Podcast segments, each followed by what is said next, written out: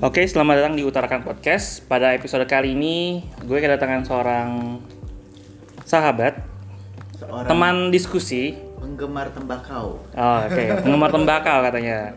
Jadi hobinya sekarang ngelinting tembakau, ya, bukan bukan ngelinting ganja ya. Perkenalkan, sahabat gue namanya Malik, termasuk salah satu teman diskusi yang menarik. Jadi kalau udah ngobrol sama dia tuh uh, bisa berjam-jam ya. Apalagi ya kalau topiknya tuh yang memang uh, berkaitan dengan kehidupan sehari-hari.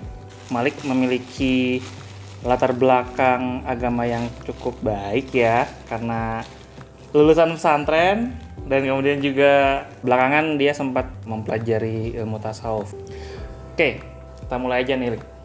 Apa fenomena yang fenomena sosial yang yang terjadi saat ini atau belakangan ini yang menarik perhatian lo? Jadi begini Bung Fahru. Oke, gimana gimana? Eh, saya sedang concern eh, sama apa namanya itu feminisme gitu. Oke. Kayak apa nak perju memperjuangkan hak hak wanita gitu. Iya, Dan kenapa? Saya mendeklarasikan diri sebagai seorang feminis. Oke, kenapa? Karena eh, ya kalau di Indonesia sih eh, sudah cukup sangat eh, apa namanya menyenangkan hati gitu. Perempuan-perempuan sudah banyak sangat banyak mendapatkan kebebasan. Oke. Tapi eh, mindset, nah tinggal mindset masyarakat masih men apa? Apa? eh mendeskripsikan. Ya, mendeskripsikan. Oke, ya. Jadi perempuan itu selalu eh, apa namanya dianggap remeh lah gitu. Oke. Contohnya kayak istilah-istilah eh, apa namanya godaan laki-laki itu tahta apa harta tahta wanita. kan. Oke. Ya kan wanita jadi jelek. Oke. Ya, eh, wanita menjadi objek. Nah ya betul jadi objek Iya. dan tidak eh, perannya gitu perannya dikerdilkan gitu. Oke. Memang eh, belakangan ini eh, gue juga sempat dengar masalah eh, feminisme, kemudian eh, patriarki dan ada beberapa orang yang me- apa ya, me- melegitimasi atau memperkuat argumentasinya dengan menggunakan ayat Al-Qur'an.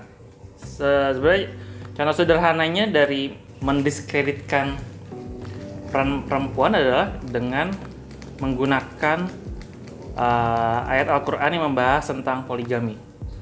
Kalau menurut gue pribadi ya, karena kan jadi ya tadi itu tadi. Jadi ketika uh, laki-laki diperbolehkan untuk menikah sampai sebanyak empat kali, nah itu tuh seperti hal yang wajar dan bahkan dianggap sunnah atau itu sudah memang ya itu eh, dibolehkan gitu. Padahal kalau dipahami ayatnya secara seksama itu kan eh, ada ada syarat dan ketentuan berlaku ya Oh iya tentu. ya kan jadi eh, boleh mempunyai istri sampai empat jika bisa berlaku adil kepada semuanya nah, Tapi jadi kan tetap Hmm. ditekankan satu.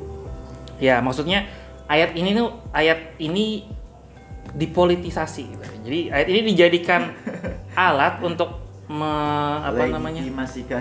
Iya, jadi bahwa eh, perempuan tuh eh, eh perempuan maksudnya laki-laki tuh ya boleh gitu dengan dengan eh, seenak hatinya melakukan poligami gitu. Ya saya sih masalah poligami ya terserah aja. Hmm. Saya menghormati apa namanya keputusan orang, pendapat orang bebas terserah gitu. Tapi yang saya nggak setuju itu adalah kalau poligami disebut dengan sebutan uh, sunnah rasul. Nah saya nggak setuju. Oke. Kenapa?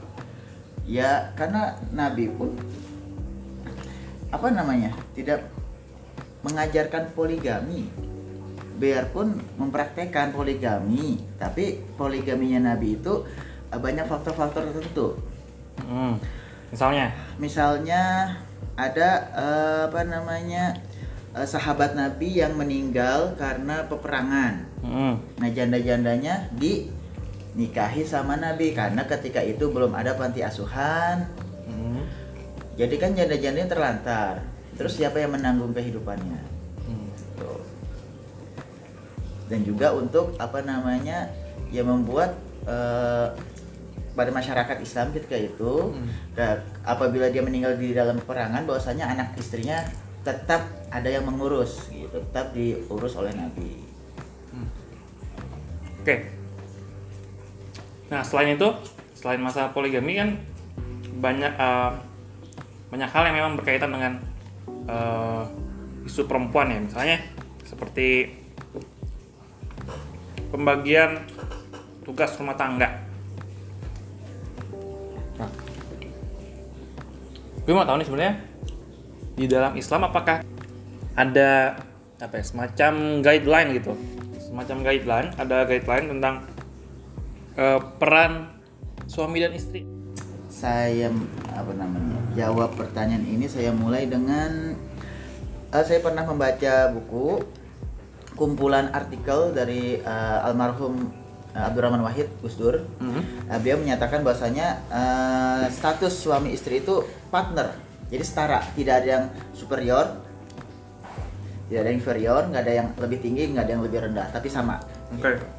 Nah, di dalam teks-teks uh, Al-Quran atau hadis, saya kira Al-Quran dan hadis itu kalau kita cermati sangat fleksibel dan sangat kondisional.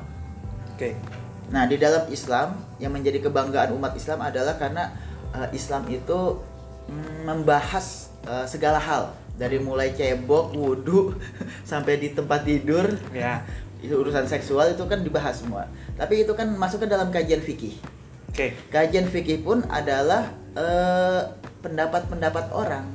Hmm, Sedangkan eh, buku fikih satu orang dan eh, di yang ditulis dengan oleh satu orang si A, nah yang satu lagi ditulis dengan B, nah itu kan banyak perbedaan.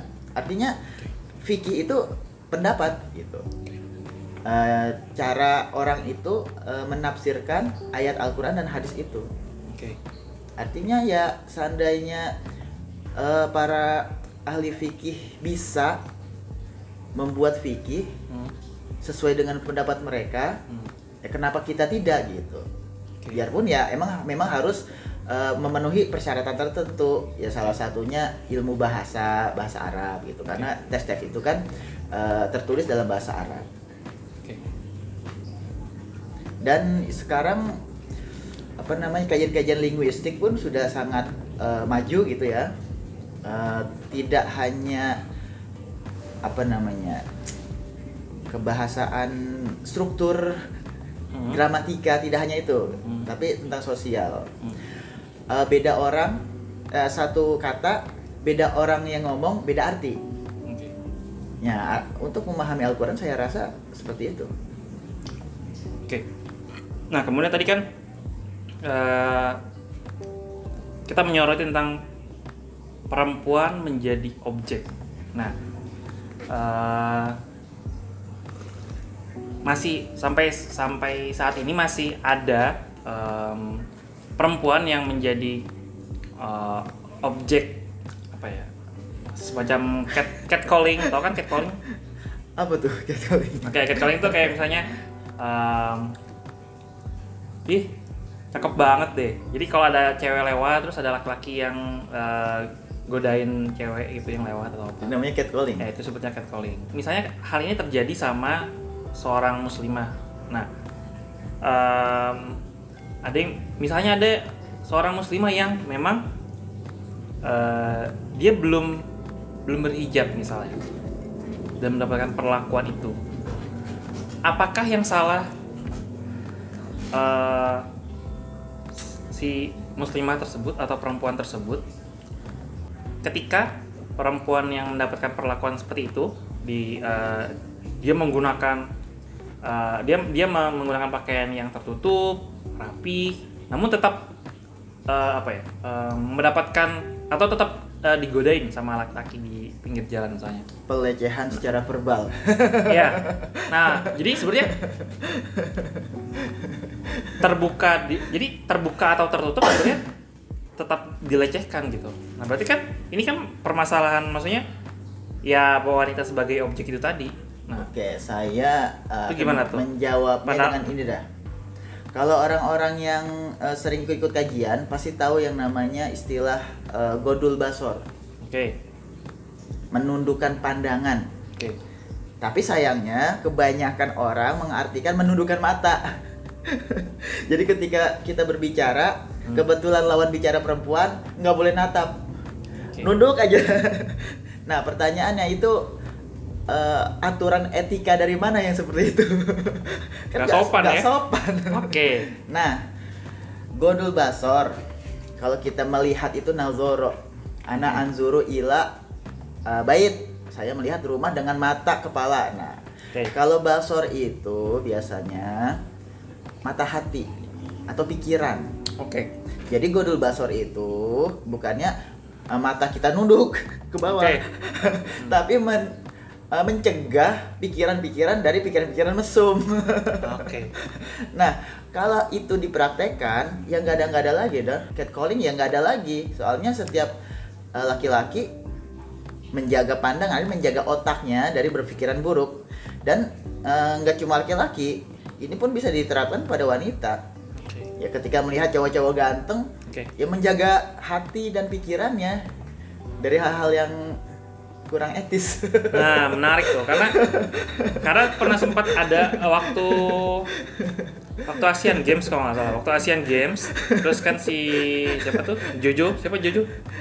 Eh si Jojo itu Itu yang buka baju buka baju dan banyak postingan komen yang Eh, tidak sesuai, tidak etis lah. Dan udah dan selain itu, eh, ketika kita lihat eh, profile picture-nya di sosial media itu menggunakan eh, kerudung, gitu kan. Maksudnya menggunakan kerudung dan ber- em, mengeluarkan komentar me- seperti itu. Nah, itu kan tidak etis tuh. Nah, ya, jadi ya itu makanya Sama jangan, aja atau gimana? jangan cuma laki-laki yang menundukkan pandangan perempuan juga harus menundukkan pandangan ini sama kan setara. Oke. individu di mata Allah itu sama. Oke. nggak ada yang beda-beda. Oke. yang berbeda itu keimanan artinya kebaikan hati. Dia yang paling baik ya di sisi Allah itu ya dia paling tinggi lah derajatnya. Tapi kesetaraan nggak ada bangsawan nggak ada apa nggak ada budak setara kok Islam. Nabi Muhammad itu ingin semua keseta- kesetaraan satu. Oke. makanya ke, eh, kalimat tauhid itu kalimat persatuan nggak ada lebih tinggi lebih rendah. Kita semuanya setara satu bersatu saling bekerja sama gitu. Mau perempuan mau mau apa namanya? Perempuan ataupun laki-laki. Intinya adalah eh, baik laki-laki atau perempuan memiliki hak yang sama berada di tingkat yang sama. Namun kan dalam prakteknya eh, masih banyak eh, praktek-praktek yang didominasi oleh eh, kaum laki-laki gitu jadi Iya. sebe- jadi laki-laki yang lebih superior laki-laki yang lebih baik dibandingkan perempuan nah itu Nah. kenapa praktek itu eh, Ada. masih ya Masih ber- ada dan masih masih berlangsung. saat ini secara sadar ataupun tidak sadar ya kita lihat udah dari segi-segi apa namanya biologis ya wanita laki-laki berbeda ya berbeda jelas gitu. Oke, dari ya. biologisnya aja laki-laki kan uh, lebih kuat lah ya tenaganya. Oke. Ya cuman yang enggak juga sih ada perempuan yang lebih kuat dari laki-laki. Oke. Cuman uh, lebih banyak ya mayoritas laki-laki lebih kuat nah perempuan itu lebih halus gitu. Dan uh, dimulai dari uh, kehidupan primitif. Laki-laki kan oke. uh, berburu oke. perempuan masak. Oke. Nah, terus uh, kehidupan primitif berkembang menjadi desa, berkembang menjadi kota. Dan kalau apa namanya baca-baca buku sejarah, wah itu perempuan akhirnya nggak ada harganya. oke Malah dibilang iblis lah, dibilang setan lah, dibilang apa namanya penghasut Adam gitu. Hawa yang disalahkan. Akhirnya perempuan semuanya disalahkan. oke Ya saya nggak setuju dengan itu. oke Dan itu berkembang sangat pesat. Sampai istilahnya zaman Nabi Muhammad itu ya kan bisa dibilang parah-parahnya lah abad pertengahan itu di Eropa juga masih dark age. Ya masih begitulah.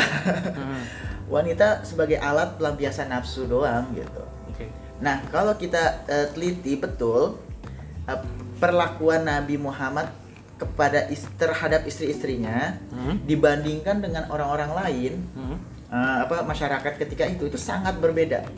Bisa dibilang masyarakat itu belum siap menerima eh, apa namanya hal yang dicontohkan oleh Nabi dalam memperlakukan istri-istrinya, menghormati istri-istrinya apa gitu.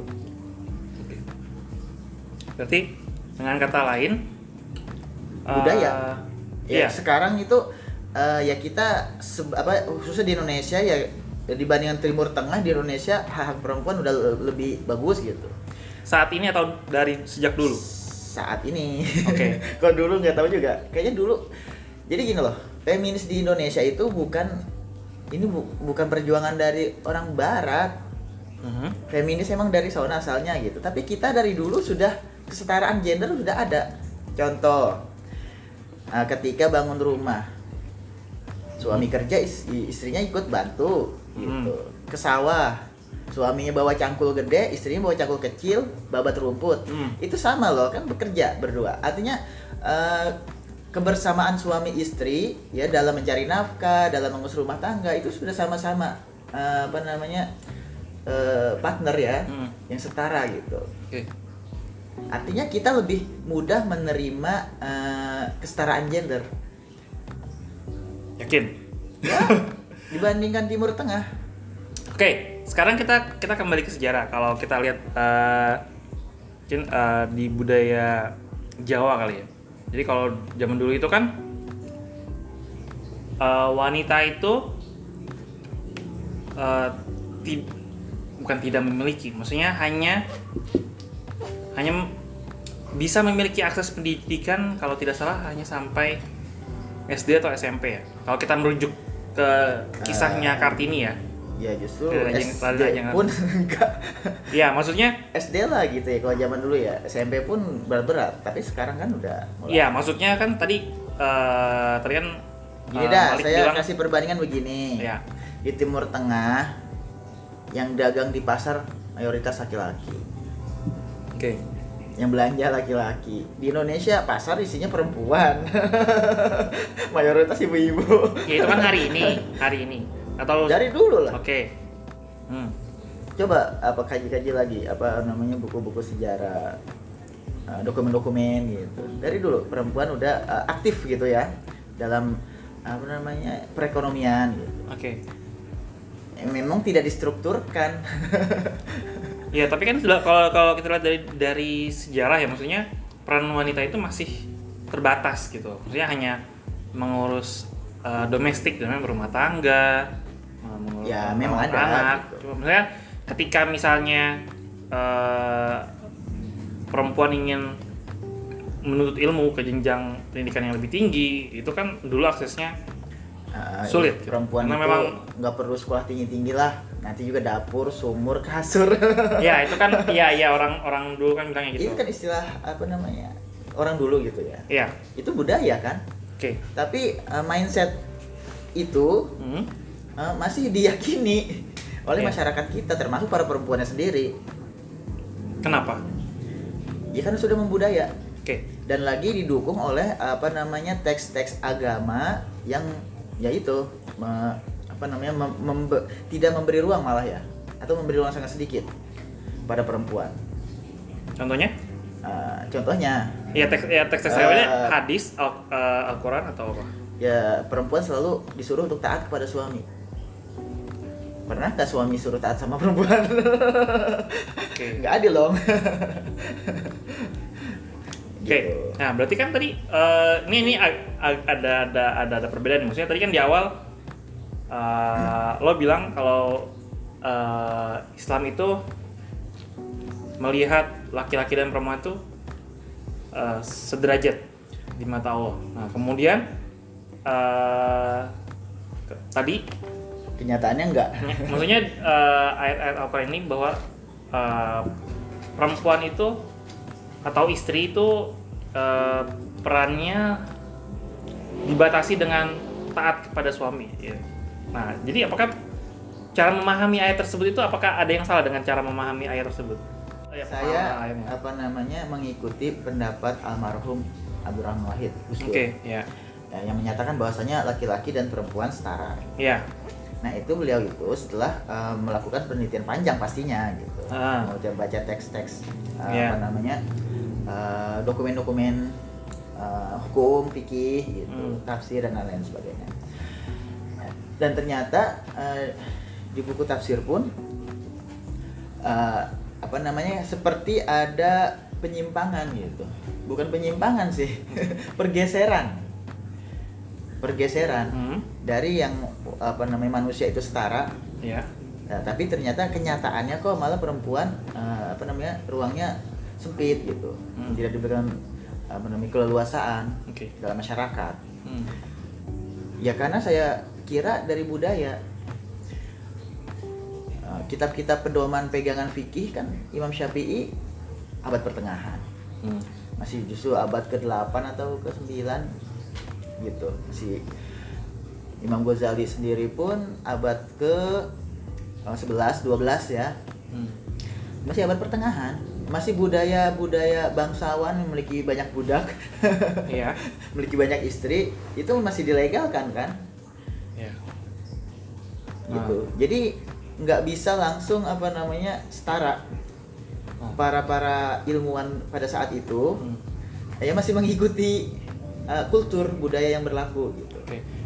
Oh. nah sekarang udah sudah sangat berbeda kondisi uh, apa namanya kehidupan bermasyarakat Hmm. masa sih kita masih apa namanya mempraktekkan apa namanya uh, hukum Hmm. yang dibuat Hmm. pada abad pertengahan yang masih sistem kerajaan, sistem kebangsawanan, budak masih dilegalkan Hmm. dan sekarang masih dipakai hukum itu gitu. Pasti ada penyesuaian-penyesuaian. Contohnya gini deh. Oke.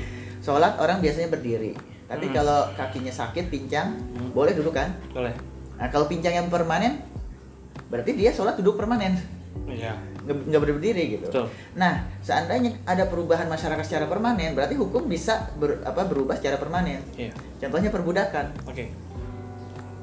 Legal. Banyak orang apa namanya kalau kita baca eh, buku-buku fikih, kitab-kitab fikih, Hmm. di situ dilegalkan.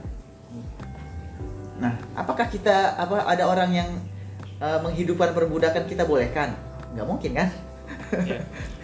Oke, jadi kan sebenarnya eh, dari dari yang tadi lo, lo jelaskan adalah sebenarnya bisa kita simpulkan bahwa ada urgensi atau pentingnya eh, ulama dalam me- bukan merevisi ya, tapi me- membuat hukum atau Ya, penentuan hukum bisa yang revisi juga. iya eh, penentuan hukum atau dalam istilah fikih Ah. ijma Reinterpretation nah. ya ijma yang memang disesuaikan dengan konteks saat ini gitu karena kan yang tadi uh, lo bilang kan ya bahwa Imam Ghazali, Imam Syafi'i itu kan ada di pertengahan dengan Ya, konteks budaya dan ya. lingkungan yang berbeda gitu dengan yang saat ini. Terima kasih sudah mendengarkan masyarakat podcast.